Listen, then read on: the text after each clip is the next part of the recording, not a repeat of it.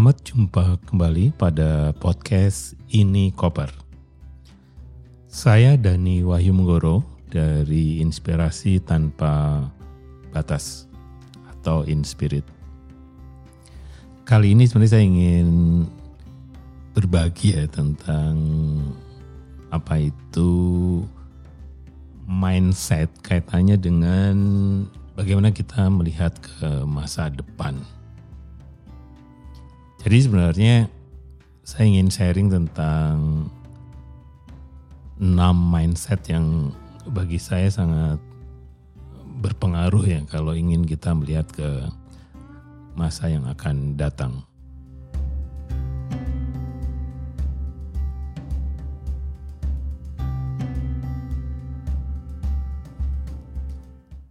Kenapa saya ingin berbagi tentang mindset ini? Karena beberapa jam yang lalu diundang di dalam pertemuan anak muda, mereka sharing tentang gerakan Indonesia 2050. Saya sangat terkesan dengan energi, semangat, dan juga cara mereka belajar untuk berani menyampaikan apa yang menjadi cara untuk melihat Indonesia 2050.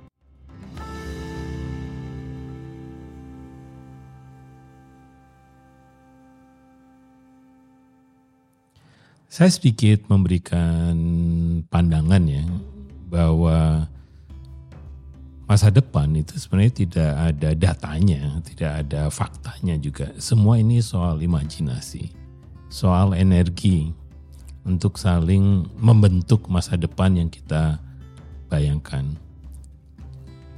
Oleh karena itu, memang di dalam proses melihat ke masa depan itu ada beberapa mindset yang penting dipegang karena mindset inilah yang sebenarnya membantu kita untuk melihat atau tidak melihat tentang masa depan.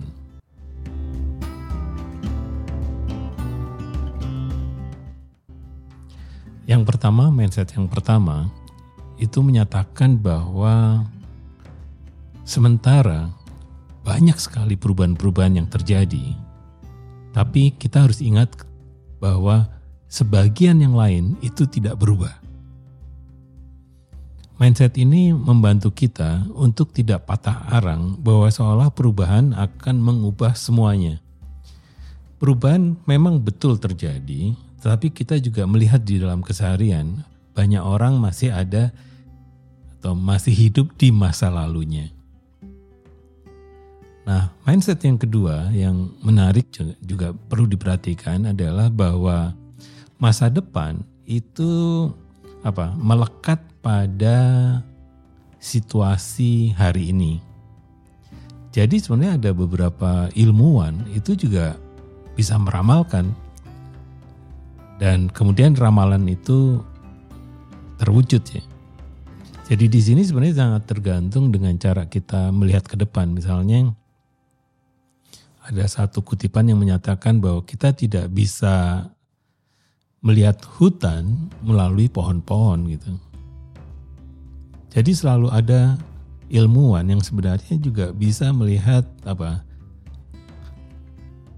roh saat turunnya winarah. Jadi mereka udah tahu gitu tentang apa yang dibayangkan akan terjadi ketika mereka membaca data-data yang ada saat ini. Tidak semuanya juga terwujud ya. Misalnya saya waktu SMP itu kan tahun 7 berapa ya 75 gitu, 76. Nah, SMP saya itu adalah sekolah perintis untuk kependudukan.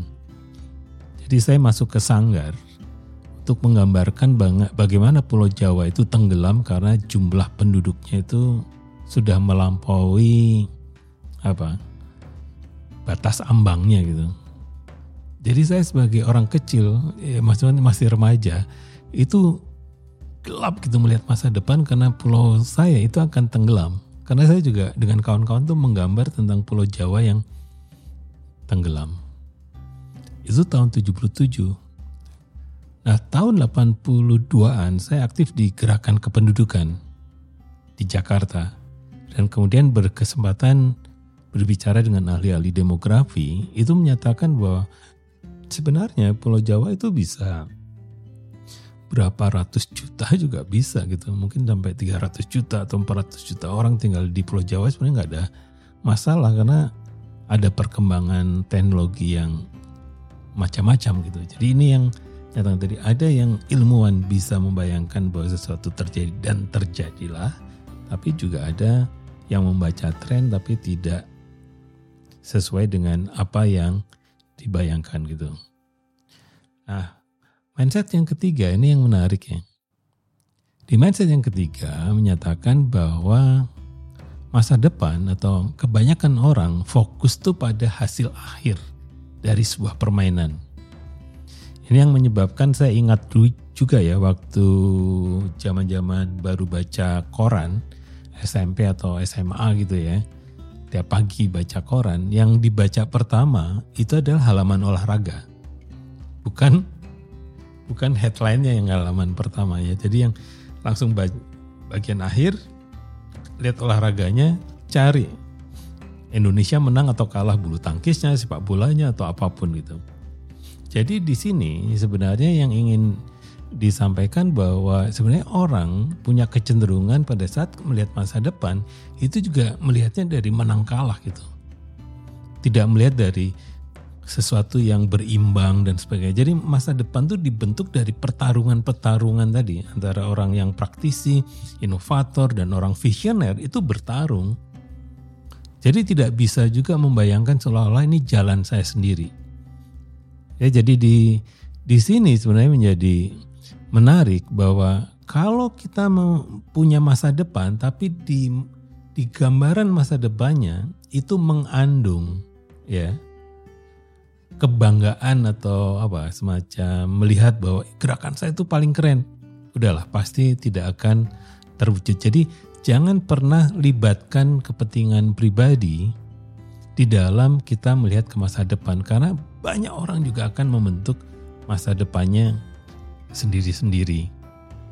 Nah di sini juga sama waktu soal angka itu misalnya sebelum Perang Dunia Kedua itu hadiah Nobel paling banyak sebenarnya diterima oleh ilmuwan ilmuwan Eropa. Jadi itu sampai 109 hadiah Nobel. Amerika pada saat itu hanya 19 yang penerima hadiah Nobel. Tapi lihat, setelah Perang Dunia Kedua tahun 40-an itu, Amerika bisa memperoleh hadiah Nobel itu 171 hadiah Nobel. Eropa hanya 90. Kemudian bagaimana bandingkan dengan Jepang? Kalau di total general ya, secara general Amerika itu udah 300-an lebih yang menerima hadiah Nobel.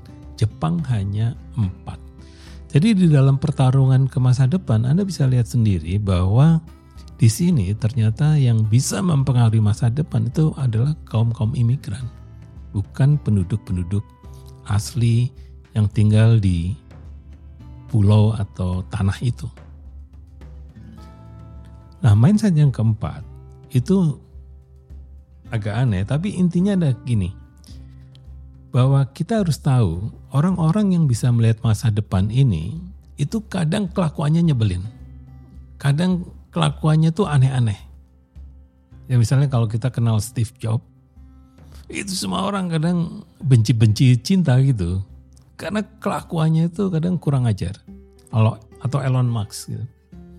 Mereka Elon Musk di kantornya aja menyatakan rapat di kantor ini itu sifatnya hanya pilihan jadi tidak hadir rapat tidak apa-apa. Kebayang kan kalau di organisasi di Indonesia itu gak akan mungkin terjadi tuh. Rapat ya harus ada absennya gitu karena ada uangnya juga kan. Jadi di sini mindset yang paling penting sebenarnya adalah ada orang-orang yang berani melawan arus. Ada orang-orang yang bisa menggoyang pikiran orang supaya apa yang kita yakini hari ini itu ternyata tidak terlalu benar. Sehingga bisa mengarah pada perubahan-perubahan yang revolusioner atau yang baru. Nah, mindset yang kelima, melihat masa depan itu sebenarnya semacam apa? puzzle dari gambar-gambarnya. Nah, di sini yang paling penting sebenarnya adalah bukan kita membuat skenario building dan membangun roadmap yang seolah-olah ada sekuensinya bahwa perubahan itu bisa dibuat linear, tidak begitu. Karena yang paling penting adalah kita mengkoneksikan banyak pihak untuk membentuk masa depan yang lebih baik. Jadi masa depan itu adalah koleksi dari berbagai kemungkinan. Dengan cara mix and match seperti ini ya antara penyampur dari banyak pikiran-pikiran ini pada akhirnya suatu saat kita akan menemukan gambar baru tentang masa depan. Nah, ini untuk kawan-kawan yang yang apa yang sedang mengembangkan eh, gerakan Indonesia 2050 jadi Anda jangan pernah memimpin perubahan dengan mengabaikan tentang tadi orang yang ikut gerakan Anda gitu. Jangan Anda lepas, Anda harus ada di dalam gerakan atau nyawa atau denyut jantung pihak-pihak atau kawan-kawan Anda yang sudah mendukung gerakan Anda. Jadi jangan terlampau lari kencang ya dan melupakan sebenarnya supporter-supporter yang mendukung impian-impian ini. Jadi selalu dekat dengan kaum perubahan kalau kita ingin membentuk masa depan yang kita bayangkan. Demikianlah isi koper, isi ini koper kali ini. Kami di ini koper percaya bahwa apa pun yang kita bagi di dalam podcast ini koper akan selalu bermanfaat bagi komunitas perubahan. Sampai jumpa pada edisi berikutnya.